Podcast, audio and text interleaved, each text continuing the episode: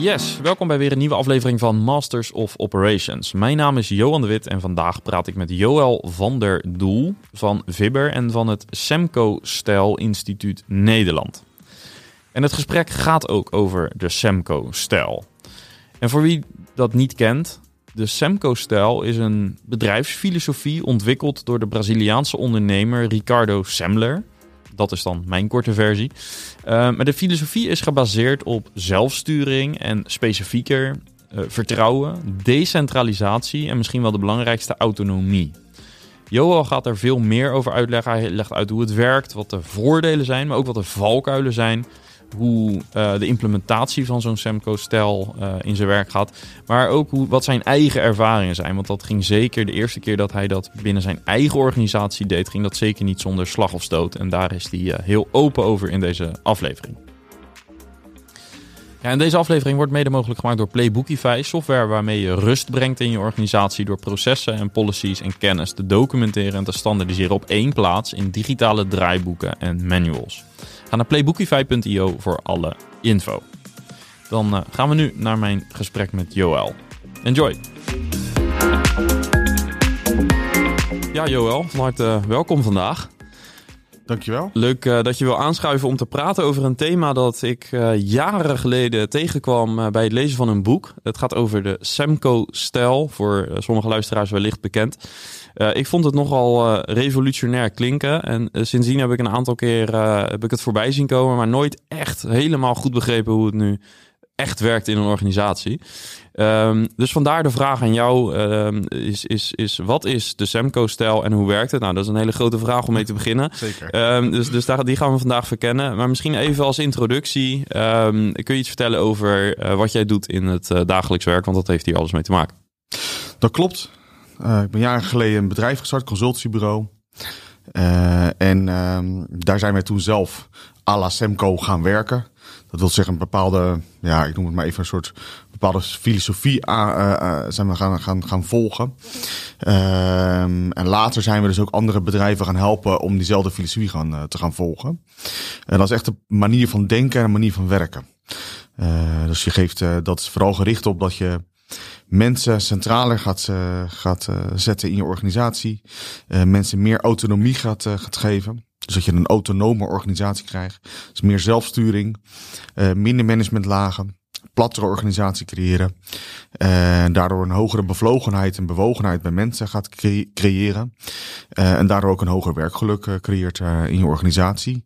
En dat vertaalt zich dan naar een hogere klanttevredenheid. En uiteindelijk ook naar meer omzet en naar um, een hoger rendement. Ja, dit heb je duidelijk vaker verteld. Ja, dat klopt. uh, als je dit zo vertelt, dan zou je zeggen: waarom doet niet elke organisatie dit? Um, toch zijn er heel veel organisaties die dit uh, nog niet doen, of misschien bepaalde componenten wel, maar de hele filosofie um, toepassen is, is natuurlijk iets anders. Uh, kun je kort vertellen, even, hoe is het ontstaan? En, en ja, misschien even in een paar zinnen iets over de oprichter? De bedenker? Ja, de, de, de bedenker van, van de, deze denkwijze, dat is Ricardo Semler. Uh, hij, uh, hij, heeft een, hij had een fabriek overgenomen van zijn vader. Zijn vader was eigenlijk de, de, de ouderwetse, conventionele en traditionele CEO uh, van een, een, ja, technische, technische organisatie. Um, en uh, op een gegeven moment kwam hij aan het roer van dat bedrijf. Ze maakten onder andere koelmotoren voor schepen. Dus dat was ook echt best wel een, een, technisch bedrijf. Um, en wat hij eigenlijk eerst uh, wat hij deed, was uh, meer dan de helft van de managers ontslaan. En zeiden we, die hebben we niet meer nodig. En wat was de gedachte en, daarachter? Waarom had hij die niet meer nou, nodig? Die, de, de, ten eerste, hij wilde een shock-effect creëren. Maar ten tweede zag hij ook hoe inefficiënt de organisatie werd door allerlei managementlagen. Ehm, ik zal een simpel voorbeeld geven. Als iemand toen de tijd een, bijvoorbeeld een nieuwe computer nodig had, dan moest hij een briefje invullen. En dan ging dat briefje van, ja, mijn computer werkt niet meer goed. Dan ging dat naar het hoofdbedrijfsbureau. Dan ging het hoofdbedrijfsbureau daar naar kijken. En dan ging dat naar de afdeling finance. Dan ging de afdeling finance er even naar kijken. En dan ging dat even nog naar de hoofd van degene die dan uh, in dat team zat waar de computer nodig was. En zo was dat zeven kamers uh, langs geweest met allemaal handtekeningetjes. En hebben er zeven of zes managers naar gekeken. Um, en Ricardo Semler zag dat proces en die dacht, ja, waar slaat het eigenlijk op? Als diegene die de computer nodig heeft zelf een beslissing kan nemen, dan zal hij vast voor 200, 300 euro te veel uitgeven.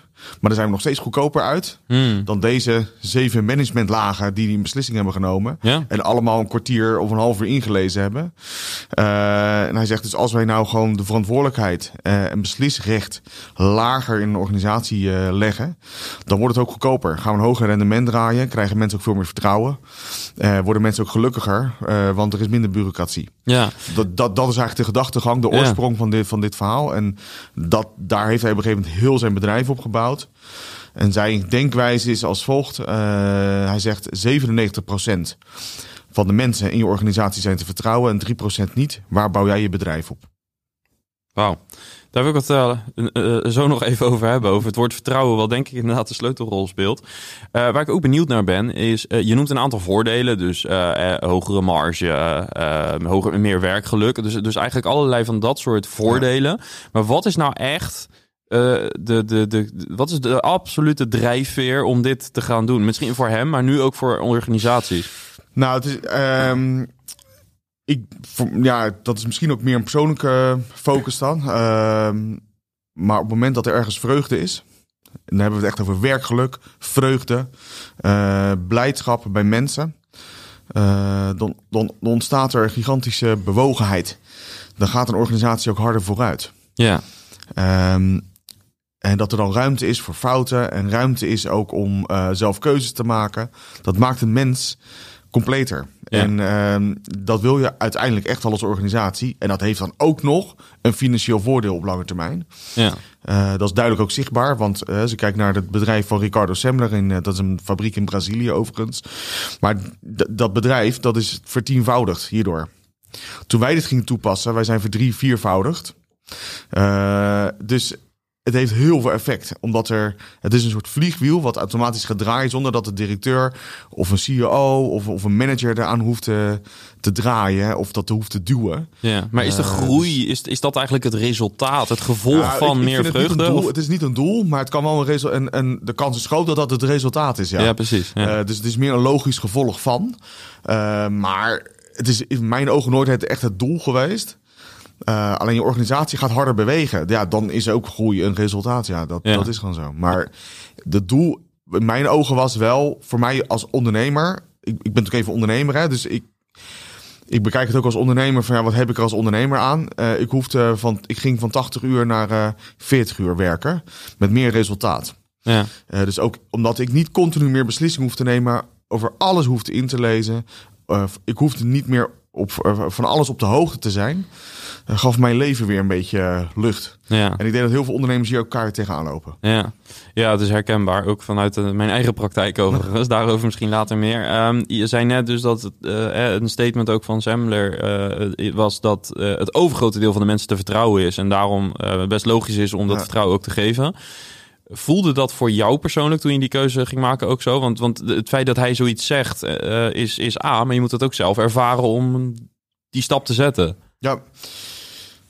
Eh, ja, het is wel zo. Ja, nee, ik heb dat zeker zo ervaren. Zeker toen wij een omslag maakten. Ehm, het is wel zo dat als wij nu mensen aannemen, dan kijk je natuurlijk wel mega goed naar wat voor type mensen nemen we dan aan. Passen die ook in deze denkwijze?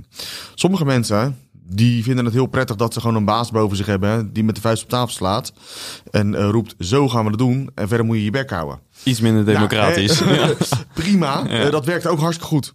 Ehm, op lange termijn heeft dat wel weer een ander effect in mijn ogen. Eh, maar daar is op zich ook niks verkeerd aan. Alleen ik zie wel dat de nieuwe generatie, zoals ik het maar even noem, zeker de generatie Z. En dat is de generatie van, eh, van nou, ik noem even 18 tot 30. Die gaan daar steeds minder goed op.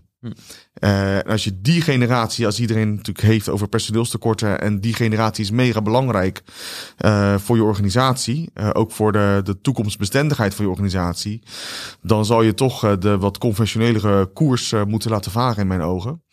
Eh, maar dan, dan betekent wel dat je een bepaald type mensen nodig hebt om dit te kunnen gaan dragen. Ja. Niet iedereen past bij ons. Nee. Ehm, dat is meteen denk ik een mooi brugje naar ehm, iets waar ik ook benieuwd naar ben. Eh, jij eh, begeleidt dus bedrijven met het, eh, de transformatie naar Ja. Semco, als je het zo zou kunnen noemen, de Semco-stijl. Eh, wa- wat voor projecten ben je op dit moment een beetje mee bezig en wat kun je vertellen over het type organisatie?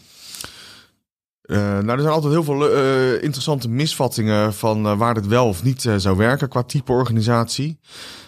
Toen wij hiermee startten waren we vrij klein. En toen waren heel veel bedrijven die zeiden, ja, dat is logisch dat het bij jullie werkt, want jullie zijn klein. Jullie hebben vijf, zes, zeven, acht, negen mensen. Logisch, want dat is allemaal behapbaar. Nou, Dan heb je die managers sowieso niet nodig. Ja, inderdaad. Ja. Nou, uh, we zijn nu een bedrijf met uh, bijna 40 mensen en uh, het werkt nog net zo. Ehm, wij begeleiden op dit moment bedrijven. we hebben een heel groot schoonmaakbedrijf met 800 mensen. daar werkt het ook. We, we zitten nu bij een groot transportbedrijf. Ehm, waar juist ook heel veel mensen natuurlijk praktisch opgeleid zijn. Want ik krijg ook wel eens natuurlijk de kritische noot over, ja, maar bij Semco Stel Instituut of mijn andere bedrijf Fibber, ja, dat zijn allemaal uh, over het algemeen mensen die een HBO of een WO opleiding hebben gedaan. Nou, als je bij een transportbedrijf ditzelfde kan implementeren, daar is 80 à 90 procent praktisch opgeleid. En dat was eigenlijk. En dat werkt gewoon goed. Dat was eigenlijk in de organisatie van Ricardo Sembler ja, ook het eh, geval. De, de originele, ja. uh, waar dit hele verhaal vandaan komt, daar was ook 90 procent praktisch opgeleid. En dat is fabriek. Ja. Dus uh, het, is, het is altijd wel grappig dat, dat die misvattingen er zijn. Het is, en het is echt uh, koek. Ja, want, want juist, echt overal. Want juist het management gooit die eruit. Even een beetje kort door de bocht. Ja, dat klopt. Ja, dat klopt. Ja, ironisch. Het, het, begint eigenlijk of een ondernemer of een CEO of een, of een, uh, een leidinggevende hier werkelijk voor open staat. Uh, daar begint het bij. Ik ben nog heel goed bij het transportbedrijf. Dan zij, vaak beginnen mensen van ja, maar mijn personeel moet bevlogener zijn. Okay. En die moeten veel meer betrokkenheid tonen. Nou, dan worden wij ingevlogen. Zeggen van nou ja, hartstikke fijn dat jullie dat willen als directieteam. Maar we beginnen even bij jullie. Want het begint ook bij jullie. Oeps. Uh, en dat is toch wel. Uh, dat zag je bij het transportbedrijf ook. Dan, dan ben je ook vooral met, met leidinggevende eerst aan de slag. Uh, want die moeten een andere houding aannemen. En waar en kijk je dan naar? Wat zijn de eerste dingen die je doet in zo'n traject? Je moet gewoon proberen om mensen ogen te laten openen dat ze minder directief moeten zijn en minder hm. bezig zijn met taken uitdelen. maar een coach in de houding gaan krijgen en zich faciliterend gaan opstellen. En dat is uh, een van de moeilijkste uh, omslagen die een, een, manager, leidinggevende, een directeur, een CEO moet gaan maken. Uh, en dat heb ik zelf ook echt ervaren. Ehm, voor, je het, voor je het weet ben je als CEO een soort brandweerman. Je bent heel erg brandjes aan het blussen. Of je bent een politieagent. Dat je zegt wat mag wel, wat mag niet. Of een soort schoolmeester. Ja, dan kan je het op een gegeven moment krijg je daar stress van. Uh, want soms maak je ook verkeerde beslissingen, omdat je ook niet over alles de expert bent. Uh, en nu moet je ineens gewoon vooral mensen uh, aan het. je moet eigenlijk mensen aanzetten dat die beslissingen nemen, omdat zij de expert zijn. En zij ook de ruimte krijgen om beslissingen te nemen. Ja, dat betekent wel dat je als ondernemer of als CEO soms echt gewoon een hele andere uh, insteek moet hebben met hoe je iemand, met iemand omgaat. Dus, en dat merk ik bij mezelf ook. Ik, ik ben veel meer nu inmiddels, wat hartstikke lastig is overigens. Want ik weet, ik vind dan dat ik alles beter weet. Uh, dat vindt elke ondernemer, ja. anders ben je geen ondernemer geworden. Ja, in mijn ogen. Ja, ik, ik kan het volledig onderschrijven. Dus uh, ja, dan, dan zal je toch de keuze moeten maken. Ik moet echt bijna elke dag op mijn handen zitten. Het kriebelt wel eens. Ik zou soms het dingen anders aanpakken. Alleen als ik me ermee ga bemoeien en ik ga overal in zitten vroeten, dan wordt het te veel mijn feestje. En ik moet gewoon een maand weg kunnen. En dan, dan moet niemand dat doorhebben. Ja. En wat zijn instrumenten, hulpmiddelen eh, die je kunt inzetten om jezelf uh, als manager, als leidinggevende, als operationeel directeur te kunnen, uh, ja, je, je, houding te kunnen veranderen? Nou, daar heb ik een leuk voorbeeld bij. We zijn recentelijk gestart bij een, een, een autobedrijf. Uh, en uh, dat autobedrijf die wilde eigenlijk meer autonomie en meer bevlogenheid bij, bij hun mensen hebben. Ze hebben gezegd, dat begint eigenlijk bij eigenaarschap. Dus je moet mensen ergens eigenaar, eigendom, uh, het gevoel van eigenaarschap geven. En dan heb je het over automonteurs bijvoorbeeld. Dat is echt wel leuk, want dan zeg je tegen een automonteur van... Nou, we hebben tien automonteurs in die, in die werkplaats. En alles wat je om je heen ziet, daar, dat hakken we in, in brokken. En uh, ieder krijgt een stuk of een domein waar hij dan heerser over is. Ik zal een voorbeeld noemen. Uh, de orde en netheid van de werkplaats. Normaal heb je dat een chef werkplaats of een manager rondlopen en zegt, hey, is hier een zootje. En dan komt iedereen opruimen en schoonmaken. Omdat het moet. Juist. Dus ja. nou, dan gaat iedereen op vrijdagmiddag om uh, vijf uur uh, shockend door die werkplaats. Want ja, we moeten weer opruimen en schoonmaken. Nou, dan hebben we gezegd, er is één monteur en die is verantwoordelijk voor de orde en netheid van de werkplaats. En wat gebeurt er? Natuurlijk, in de eerste drie weken ging hij zelf heel hard alles netjes houden. Maar op een gegeven moment dacht hij, ja, ik ben gek. Ja. Uh, ik ga het nu gewoon mijn collega's een beetje aansturen. En die gaat dus andere collega's continu op hun. Uh, uh, die gaat tijdens het werken andere collega's aanspreken op gedrag en houding. Ja. Van ruim je zooi op, let erop. Zo heeft er een andere monteur die was verantwoordelijk voor al het gereedschap. Dat al het gereedschap wat er in die werkplaats is, in goede conditie is. Dus die ging andere monteurs tijdens het werken aanspreken op dat ze netjes met hun spullen om moesten gaan. Daar is helemaal geen manager voor nodig. Nee. Zo was er een andere die uh, was verantwoordelijk voor dat er elke maand een barbecue, een feestje, een keer gingen. De party manager, hoe je het ook wil noemen. Ja. Zodat er een connectie en verbondenheid ontstaat tussen die gasten. Die moeten samenwerken. Ja. Ja, dat, dit was heel simpel. En dit is een vorm van hoe je kan je heel simpel beginnen. Dat mensen zich eigenaar gaan voelen van dit bedrijf. Ja, mooi. Zonder dat Ja. er een manager nodig is. Het is een hele makkelijke stap wat ieder bedrijf kan doen. En of je nou uh, een groot bedrijf of een klein bedrijf bent, dit kan, elk bedrijf kan dit opzetten. Ja, nou, en, en ik kan me voorstellen dat er een soort empathie ontstaat naar elkaar. Want als jij uh, weet dat je verantwoordelijk bent, bijvoorbeeld voor party manager, maar iedereen uh, zit jou in de weg om dat goed te kunnen doen. Uh, ja, dan, dan, dan, dan merk je van hé, hey, Ja. we, we moeten dit met elkaar gaan doen. Dus ik heb die ander nodig. Uh, Ja. Het is wel dat je alleen, wat ik net ook al zei, die teamleider of die manager die daar dus boven hangt, die moet wel zorgen dat ze dus ook de ruimte krijgen en dus ook gefaciliteerd worden om hun domein goed te kunnen beheren. ja. Dus wat is de impact voor bijvoorbeeld in dit geval de werkplaatschef? Het wordt vrij anekdotisch, maar ik vind het super interessant Nou, die, die chef werk, wat wij dan vaak doen bij zo'n chef werkplaats, is dan dat, dat wij die gaan coachen in zijn gedrag en houding. Ja. Dus eh, die zal veel meer de coach moeten spelen. Dus die gaat wel heel veel gesprekken met mensen aan. Eh, niet meer op het basis van controleren, maar waar loop je tegenaan? Wat heb je nodig om jouw taak of jouw domein goed te kunnen uitvoeren? Ja, Wat heb jij nodig om dat te laten slagen? ja, Eh, en die, die, die chef werkplaats, die loopt dus niet meer met dat rode potlood door die werkplaats heen om alles te controleren. Maar die gaat dus vooral kijken, hoe ga ik mijn mensen zodanig in staat stellen dat ze dit ook echt kunnen fixen. ja. Ehm, eh, er is ook een ander model wat ook eh, met zelfsturing te maken heeft. Dat heet eh, Holacracy. Daar Ja, ben jij nog ja. bekender mee dan ik, eh, vanzelfsprekend. Ehm, daarin is, als ik het goed begrepen heb, eh, ga je een beetje van functies, ga je wat meer naar rollen. Ehm, is dat hier ook de situatie? Ja, dit is, je gaat inderdaad van functies naar rollen. Dus Semco heeft best wel veel ehm,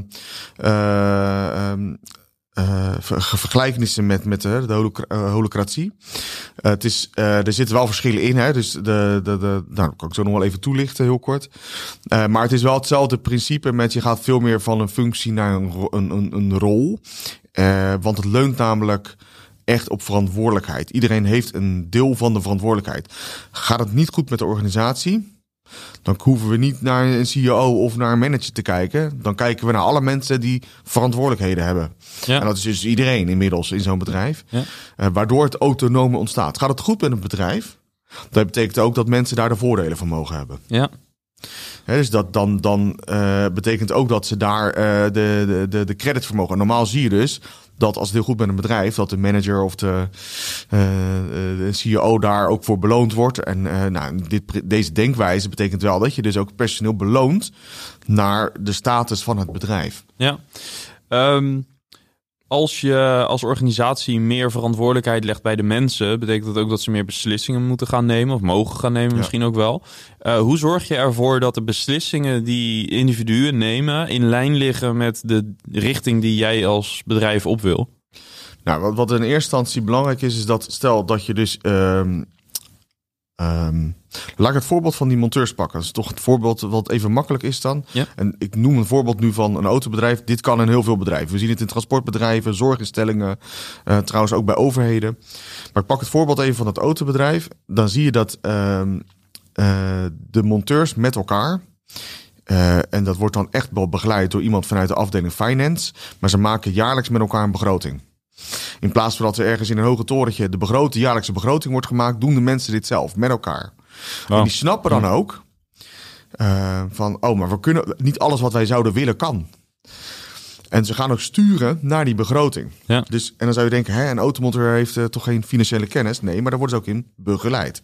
Maar die maken dus met elkaar beslissingen. En die snappen ook, ja, als er ineens iets kapot gaat wat vervangen moet worden, die snappen dan ook, ja, dit zat niet in de begroting. Dus dan zullen we anders, iets anders in die begroting moeten schrappen.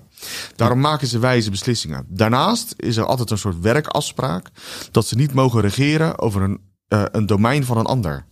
Hm. Uh, dus ik kan niet uh, zomaar zeggen van uh, ik ga een nieuw schoonmaakapparaat maken terwijl ik niet van de orde en netheid ben, bijvoorbeeld. Hm. ik noem maar even een, een, gek voorbeeld, maar zo, zo, kan je niet regeren over het domein van een ander.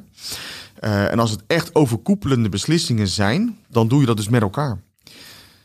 Dus dat zie ik in ons bedrijf trouwens ook. Als wij een beslissing hebben, wat bijvoorbeeld buiten de begroting in is, wel dus niet bedacht van tevoren was, wat niet in ons jaarplan zat. Dus we maken met elkaar het jaarplan met elkaar de begroting.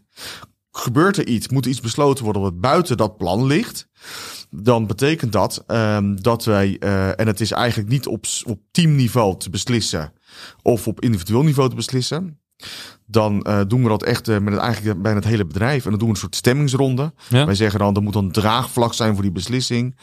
Wij, wij hebben ooit een werkafspraak gemaakt dat we, volgens mij is het voor boven de uh, 75% moet dan ja stemmen.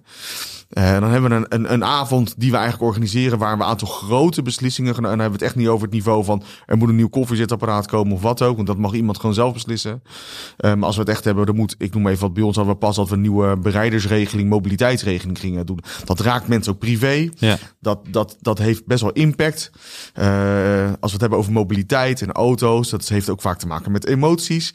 Nou, dat zijn niet beslissingen die je dan als individu moet nemen. Die neem je met de hele organisatie. Iemand bereidt dat netjes voor. Van ik heb een aantal ideeën daarover. Van hoe we dat slimmer kunnen vormgeven. Die legt dat uit, die pitcht dat. Nou, er ontstaat daar een hele interessante discussie. Uh, mensen gaan scherpe vragen stellen. En vervolgens krijgen mensen vijf dagen de tijd om daar dan een stem over uit te brengen. Heel democratisch opnieuw. Het is eigenlijk heel democratisch. Het, ik, ik, het, echt, ja, democratisch zou zeggen, dat, dan moet het 51% zijn. Ja. Wij zeggen, het is niet helemaal democratisch. Het moet echt wel draagvlak hebben. Ja, Als er iets 51% is, is eigenlijk dan ook nog steeds bijna 50% dat geen draagvlak heeft. Dus wij zeggen, het moet echt, het gaat vooral, democratisch vind ik altijd een lastig woord hierin. Maar het gaat erom dat een merendeel van de organisatie, dat daar moet het draagvlak hebben. Ja, ja mooi. Um, je zei net, je mag dus niet regeren over het domein van, van een ander. Uh, hoe ga je uh, dan in een SEMCO-organisatie om met uh, zaken als continu verbeteren? Want je kunt misschien wel een mogelijke verbetering spotten in het domein van een ander. Hoe, ja. hoe ga je daarmee om? Ehm, nou, wat wij wel implementeren bij, bij organisaties, uh, dus dat hebben we toevallig pas bij een, uh, een, uh, een staalbedrijf uh, gedaan.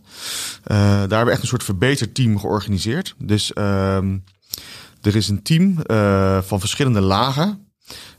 Dat, daar zit bijvoorbeeld een, een technicus in, daar zit iemand van de administratie in, iemand van HR. Ehm, maar er mag geen manager in dat team zitten. Hm. Die worden gefaciliteerd dat ze één keer per maand uh, of een halve dag per maand bij elkaar mogen komen. Die worden vrijgesteld van werk. En die voeren grote verbeteringen uh, door. Dat kan op procesniveau zijn, dat kan op uh, eh, HRM-niveau zijn, dat, dat, dat kan op allerlei manieren zijn.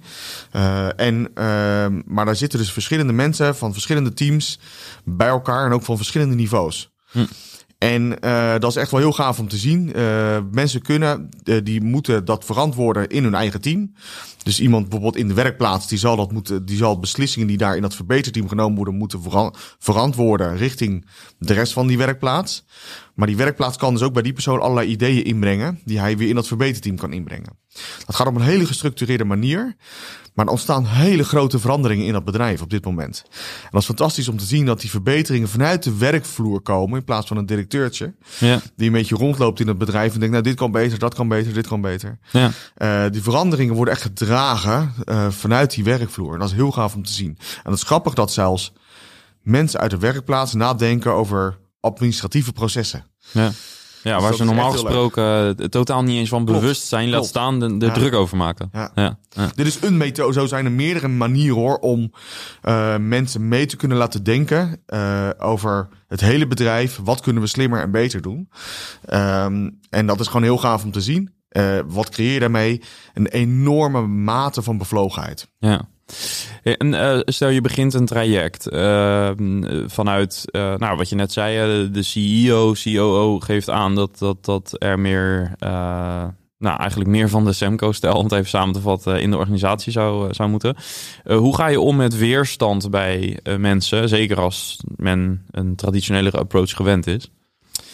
Ja, nou wij zien eigenlijk dat de wat jongere generatie, dus die generatie Z, die, die gaat heel makkelijk mee in deze denkwijze. Uh, de iets uh, oudere generatie heb ik het meer over de 50-plus generatie. Die hebben wat meer tijd nodig. Uh, maar meestal zie ik wel dat ze uiteindelijk helemaal meegaan in deze denkwijze. Het begint eigenlijk wel een beetje bij het geloof bij die ondernemer of die CEO. Daar begint het wel bij. Als die er niet, dit niet uitstraalt en dit niet dagelijks ademt, dan gaat het ook niet op die werkvloer leven. Dus daar, dat is echt al een heel grote sleutel tot uh, succes. En betekent dat dat je uh, vrij direct moet overstappen? Of moet je juist een implementatie starten met kleine dingen? Dat ligt er een beetje aan hoe de ondernemer er zelf in staat. Wij okay. hebben bedrijven begeleid die echt in één weekend overgingen. Wow. Dat is echt fantastisch geweest. Bij een zorginstelling hebben we dat gedaan. Daar zijn we echt in, in, in een weekend, nou, dus in vier, vijf dagen tijd helemaal over. Uh, dat, was, dat was echt bijzonder. Toen hebben we het personeel meegenomen naar een soort heidag. Heidagen moet ik zeggen. En toen zijn we echt met het personeel een paar dagen lang aan de slag gegaan. En zijn we eigenlijk uh, in één keer omgegaan. En uh, dat was heel tof. Maar die waren er ook wel klaar voor. Hm. Uh, andere bedrijven, dat autobedrijf wat ik net als voorbeeld, voorbeeld heb, ja, daar zijn we nu zes maanden bezig en hebben we de eerste stapjes gezet. Ja. dus dat, dat, dat, dat, en vergis je niet, hè? Ik zei het pas toevallig ook tegen iemand van Semco, dit is niet, het is niet een soort knop die je omzet. Met Semco is eigenlijk geen werkwoord. Hm. Ehm, waarom? je bedrijf verandert door à la Semco werken. En wat gebeurt er? Toen wij hiermee begonnen waren met vijf, zes mensen. Dus uh, was het ook uh, makkelijk uh, om dit te implementeren. Maar nu is mijn bedrijf 40 mensen. Ja, dat betekent niet meer dat ik op dezelfde manier kan denken en werken. Als wij nu het hebben over dat mensen met elkaar hun eigen salarissen bepalen. Dat doen wij bijvoorbeeld. Ja. Dat klinkt heel heftig, maar dat was met vijf mensen een ander proces dan nu met 40 mensen. Dus um, dat betekent dat je moet continu je processen wel gaan aanpassen, slash verbeteren, op de status waar je bedrijf, uh, de fase waar je bedrijf in bevindt. Ja. Dus het is, het is een lopend proces. Je bent nooit klaar hiermee. Wat was voor jou uh, de, de lastigste, het lastigste onderdeel in, in de transitie naar Semco? Nou, ik denk wel dat salarissenverhaal. Oké. Okay. Ja. Toen de tijd, toen we dat die omslag maakten, niet zo. Uh, want je maakt alles transparant in je organisatie, dus ook de hele administratie. Uh, ook alle financiële zaken, het financiële beheer. Dat betekent wel dat wij elke maand aan ons, al onze medewerkers uitleggen wat het, uh, want niet iedereen kan financiële cijfers begrijpen. Dus je legt uit wat, wat betekent dit eigenlijk. Het moet, je moet zorgen dat het landt bij mensen. Uh, maar om de omslag te maken naar dat mensen ook uh, dat met salarissen um, uh, je creëert aan de ene kant heel veel rust, want er is geen taboe meer. Over, oh, wat verdien jij en wat verdien jij? En, uh, zoals mijn salaris als algemeen directeur hangt gewoon bij ons aan het digitale prikbord. Ja. Dus, dus iedereen weet van elkaar wat ze verdienen. Iedereen weet ook van elkaar wat ze opleveren. Dus dat is compleet transparant. Maar het lastige is wel, uh, de transparantie zorgt ook wel eens voor. Kijk, als je het van elkaar niet weet, hè, is in een traditioneel bedrijf en je weet niet van elkaar wat je verdient, ja, dan kan je er ook niet zoveel van vinden. Nee. Dus dat is de andere kant van dit verhaal. Dus er zit ook een andere kant van deze medaille. Uh, als mensen wel van elkaar weten en zeggen ja, maar jij doet eigenlijk. Um, kijk, salarissen verdien je niet alleen maar op basis van wat je kan, maar ook op wat de markt is. En als wij jou vijf jaar geleden aangenomen hebben, was de markt anders dan nu. Ja. Dus toen had je een ik heb jou aangenomen met een bepaald salaris, omdat die markt op een bepaalde manier toen was. Nu is het veel moeilijker om aan personeel te komen. Dus kost het ons meer om personeel in huis te krijgen. Ja. Moet ik ook meer voor betalen? Zit er ineens een ongelijkheid in en die is ook openbaar. Ja. En dat maakt het ook wel weer eens lastig. Ja. De, wat heel belangrijk is als, als, als, als manager, directeur of wat dan ook, als leidinggevende, om die dit open kaart te spelen hierin en hier met elkaar over te praten, dat er onderling begrip is. Ja. Um, wat heel erg leuk is, dus het is, dat is altijd een worsteling om te zoeken wat is de juiste weg. Afgelopen week hebben we een heel iets leuks geprobeerd, nieuw experiment. Uh, toen hadden we gezegd, ze hebben zelf in een team een salarisverhoging um, uh, uh, meegenomen in de begroting. Dus nou, dan is er dus ook een soort budget om dat met elkaar te verdelen. En toen hadden ze van ja, hoe gaan we dat nou met elkaar verdelen? Toen hebben we dat team, het waren een mannetje of acht, negen, in dat team aan tafel gezet. Ik had het bedrag wat er lag aan, aan salarisverdeling per maand uh, uitgeprint. En op tafel gelegd in briefjes van 50. Ja. En Als monopoliegeld ja, eigenlijk. Ja, ja, ja, en dan gaan we aan de slag. Ga maar aan elkaar pitchen. Maar ga vooral voor elkaar pitchen. Waarom jij vindt dat de ander een verhoging nodig heeft. Ja. En uh, na anderhalf uur waren ze er met elkaar uit. En uh, toen ontstond er onderling een gigantische gunfactor. Wow. En uh, we hadden ook gezegd, neem cijfers mee van uh, hoeveel heb jij opgeleverd afgelopen jaar, wat heb jij bereikt en uh, hoeveel, uh, wat heb jij betekend voor de organisatie, kan je dat cijfermatig uit... Nou, dat liet ze eigenlijk best wel links liggen. Het ging heel erg over wat beteken jij op kwalitatieve zin voor deze organisatie. Hm. En hoe heb jij je eigenlijk afgelopen twee jaar ontwikkeld? En dat was gewoon gaaf om te zien. Hm. En ik heb aan de zijkant gestaan, ik heb niets gezegd en alleen maar geobserveerd. Dit was voor mij ook een experiment om te proberen. Ja, dan, dan zie je ineens, hey, hoe tof is dit? Hier is helemaal geen gemor, geen gedoe, geen, uh, iedereen gunde elkaar wat. En dan zag je ook eigenlijk hoe ik het zelf in mijn gedachten had. Van hoe ik zelf deze salarisverhoging of salarisaanpassing zou verwezenlijken, dat het ook aardig uitkwam. Ja. Dus okay, dus het lag heel dichtbij ja, eigenlijk. Heel dichtbij, ja, die zie je eigenlijk, mensen hebben heel veel boerenverstand. Ja, ja. Ja, wat gaaf. En dat is eigenlijk misschien wel die 97%, 3%. 97% van de mensen zijn echt heel normaal en te vertrouwen. Ja, ja. ja en, en, en, en een belangrijk deel in, in deze transitie lijkt me ook loslaten. Dus jij moet nu loslaten Ja. dat jij een bepaalde mate van controle hebt over bijvoorbeeld in dit geval salaris, maar dat geldt op heel veel andere Ja. domeinen en terreinen natuurlijk ook.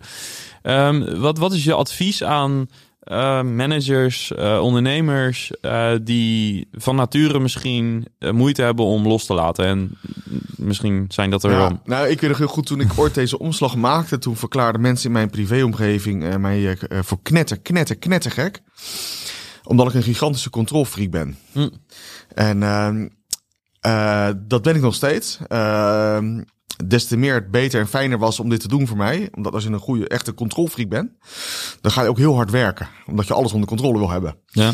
Eh, dat was ook wel een beetje het nadeel. Eh, dat vond mijn thuisfront ook. Dus die zei ook van ja, je bent een controlfreak, maar je gaat dingen loslaten. Hoe dan? Ehm, die juichten natuurlijk wel toe, hè? Van, van ja, als je dat je daar dat een positief effect heeft. Alleen iedereen dacht, ja, dat gaat je natuurlijk nooit lukken. Eh, ik moet ook nog dagelijks op mijn handen zitten, wat ik net al zei. Hè? Dus, ik vind het ook echt wel heel erg lastig. Maar wat mij heel erg helpt, is om daar met mijn eigen personeel over te praten. Om heel erg ehm, kwetsbaar op te stellen. Dus ik praat ehm, toch wel met regelmaat. eh, bijna elke week wel met mijn personeel. Hoe lastig ik het vind en wat ik zie. En wat ik moeilijk vind. Eh, en dan ontstaat er heel veel begrip. En zij gaan dat ook doen, En, neem ik eh, aan. Ja, want, ja, ja, klopt. Ja. Ja. Ik merk ook dat zij zich kwetsbaar durven op te stellen, Ja. omdat ik dat ook doe. Eh, dus ik zeg ook van waar ik dan tegenaan loop. Van, ik, ik zie dit gebeuren en ik zou heel graag willen ingrijpen. Dat doe ik niet. Ik laat het bij jullie.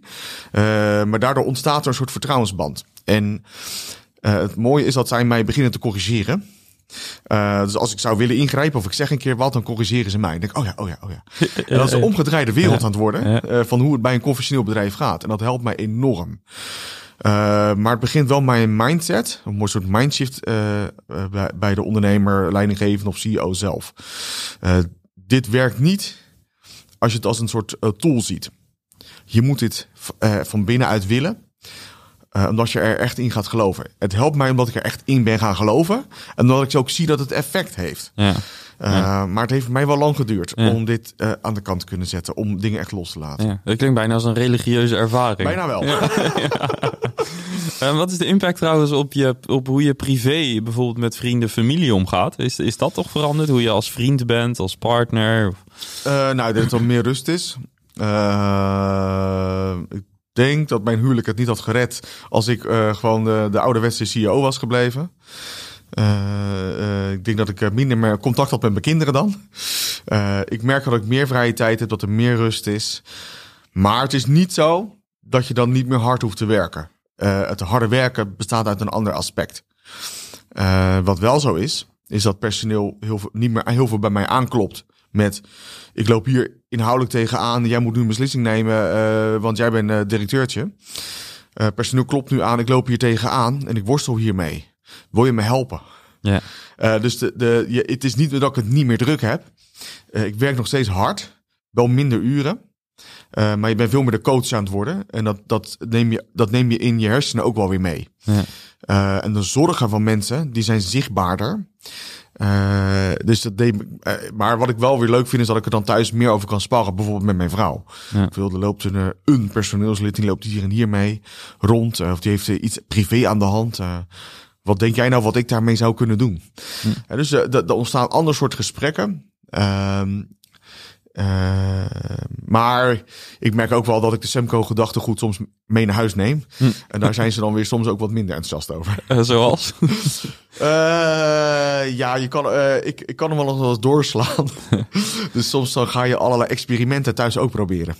Eh, dus en thuis eh, is ook een privé situatie. Dus ik ga allerlei experimenten ook thuis van eh, bijvoorbeeld bij de kinderen. Van dat ze zelf beslissingen mogen nemen. Dat ze zelf eh, eh, eh, vertrouwen krijgen en noem maar op. Hè. En, en eh, dan zie ik mijn vrouw ook wel eens een beetje kijken van ja, we zijn nu gewoon thuis. Hè? Ja, ja. Dus, oh, eh, mooi. Ja. ja. Oké. Ehm, eh, zijn er tot slot nog, nog bepaalde...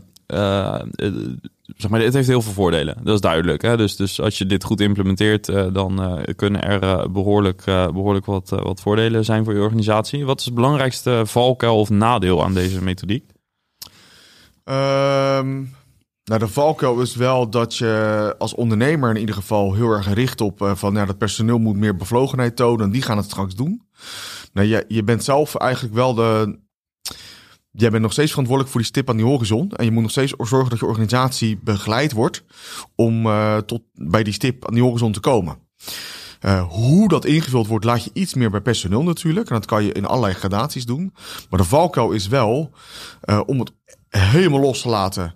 Ehm, ik, ik zeg altijd, je een mooi voorbeeld, als je een pen hebt, dan kan je die pen loslaten. Want je hebt die pen in je hand. en dan kan je hem loslaten, valt hij op de grond. Maar je kan hem ook loslaten door de pen op je hand te laten liggen. En dan blijft die pen liggen. Die draag je in feite. Hij valt niet op de grond, maar je, maar je grijpt hem niet vast. Nee. Je draagt hem met een open hand. Dat is ook hoe die, eh, maar de valkuil is om die hand weer dicht te knijpen. Maar wat ook wel een valkuil is, ehm, dat je ehm, denkt dat je er soms al bent, terwijl je er nog lang niet bent, omdat je organisatie ook verandert. Ik, mijn valkuil is heel erg dat er soms thema's besproken worden van hoe we dingen aanpakken, dat ik dan denk, ja, maar huh? dat hebben we vijf jaar geleden al lang bedacht met elkaar, toch? Dat is toch al lang besloten? Ja.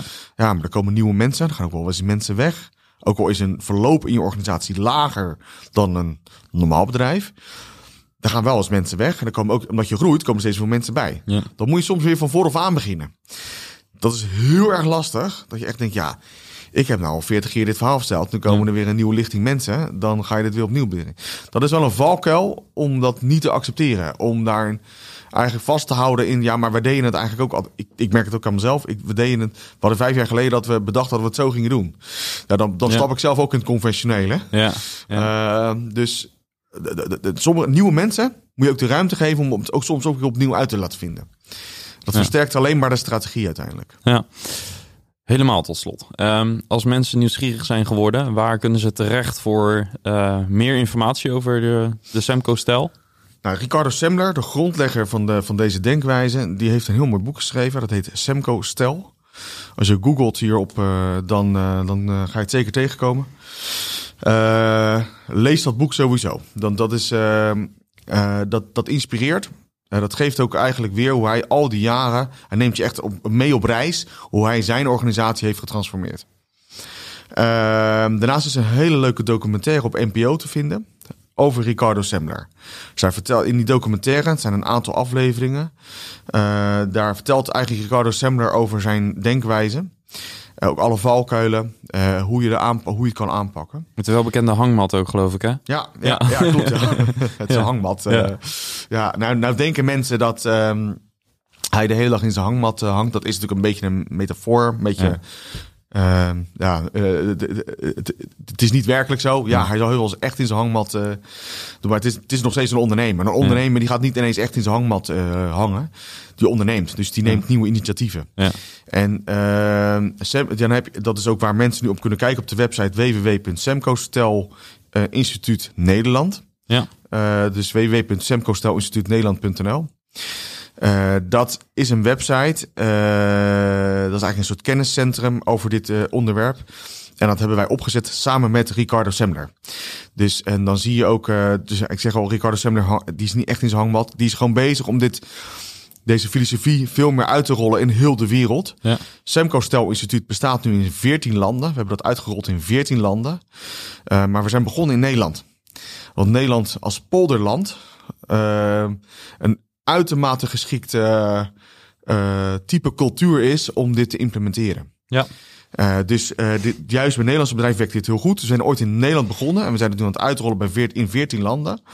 Uh, maar dat, dat kan je dus op semcostel.nl vinden. En dat is echt heel gaaf om te zien. Daar zie je ook heel veel bedrijven, ook grote bedrijven, bekende bedrijven in Nederland, die hiermee aan de slag zijn gegaan. Ja. Wat gaaf. Dankjewel dat je dit wilde delen. En we zorgen dat alle links die je genoemd hebt, dus de website, boek, documentaire, dat dat in de show notes te vinden is. Leuk, top. Ja, dus nogmaals dank. Geen dank. Ik vond, uh, vond het leuk om hier te zijn. Thanks. Yes, en dat was uh, een masterclass Semco dus. Ja, ben je zelf uh, operationeel eindverantwoordelijk en wil je jouw verhaal doen in deze podcast? Wil je ook aanschuiven in de studio? Voeg me even toe op LinkedIn, Johan de Wit. Of mail naar info at mastersofoperations.com. En ga ook eens naar start.mastersofoperations.com om zelf in contact te komen met uh, jouw vakgenoten en om uh, op die manier van elkaar te leren. Bedankt weer voor het luisteren. Vergeet je niet te abonneren op deze podcast, dan krijg je automatisch de nieuwste afleveringen in je playlist. En uh, laat een review achter, om te, zodat wij kunnen zien wat je van deze podcast vindt en wat we kunnen verbeteren. Heel graag tot de volgende aflevering. Bedankt weer. Ciao.